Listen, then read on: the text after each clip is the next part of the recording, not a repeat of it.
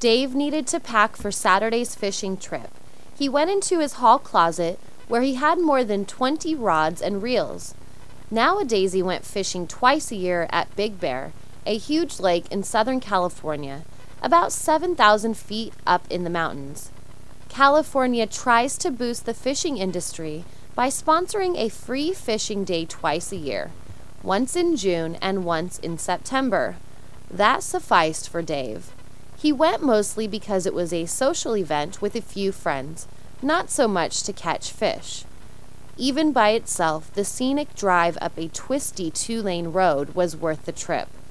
Not to mention the big, beautiful houses and trees that lined the shore of the lake. Packing was a project in itself. Dave had even created a computer file named Fishing Trip.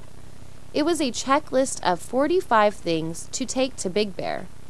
He took two rods because on free fishing day you were allowed to fish with two rods instead of the usual one rod. He took a hooded sweatshirt, jeans, two pair of socks, a heavy hooded denim jacket, winter gloves, and a scarf. He also took flip flops, shorts, a t shirt, number 30 sunblock, sunglasses, a big hat, and a lightweight raincoat. If you go to Big Bear in June, you'd better be prepared for hot or cold, rain or shine. He packed a couple of magazines to read, just in case the fish weren't biting. He and his friends joked that the fish were always biting, in the spot you just left or the spot you were headed to.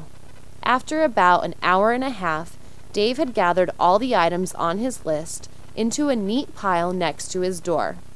He went to bed knowing that tomorrow's weather and fishing were unpredictable, but the good time with his friends was a given.